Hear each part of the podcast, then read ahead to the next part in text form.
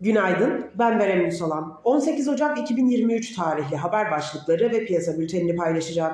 ABD Anayasa Mahkemesi yargıçları Halkbank'ın ABD'de yargılanamayacağı tezine karşı karışık tepkiler verdi.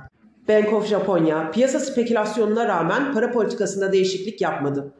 ECB'de Mart ayında faiz artış hızının yavaşlatma senaryosu destek buldu. JP Morgan stratejisti hisse senetlerine yönelik aşağı yönlü riskin devam ettiğini düşünüyor. Bu sabah Asya Pasifik fiyatlamasında Bank of Japonya kararı etkili. Piyasalara genel olarak bakacak olursak pay piyasalarında bilanço dönemi öncesinde yükselişin güçlü bilanço beklentisi olan sektör ve şirketlere yönelik ayrışmalarla sürmesini bekliyoruz. Orta vadede ise seçim tarihine ilişkin olası gelişmeler ve açıklamaların volatiliteyi tekrar arttırabileceğini düşünüyoruz. Genel beklenti seçimin Mayıs ayına çekilebileceği yönünde bulunuyor. Seçim tarihinin bu tarihten daha erkene çekilmesi dalgalanmayı artıracaktır. Seçimlerin Mayıs ayında oluşması durumunda ise güçlü bilanço beklentileri olan şirketlerde yükselişin devam etmesi beklenir.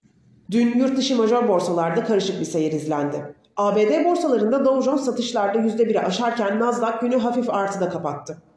Avrupa'da İngiltere hariç endekslerde genel olarak yükseliş izlendi. Asya borsalarında genelde Çin'in büyüme verisi gölgesinde satışlar görülürken Japonya'da ise Merkez Bankası kararıyla alıcılı bir seyir izlendi. Bugün ABD'de üfe verisi ve sanayi üretimi kapasite kullanımı oranı gibi veriler açıklanacak. Verilerin risk iştahı üzerinde etkili olabileceğini düşünüyoruz. Bu sabah ABD vadeleri karışık, Alman DAX vadelisi pozitif bir seyir izlerken Asya borsaları yükselişte. Teknik analiz verilerine bakacak olursak gün içinde 5210 ve altına gerileme alım fırsatı, 5420 ve üzerine düşük hacimli yükselişler ise kar satışı fırsatı olarak takip edilebilir.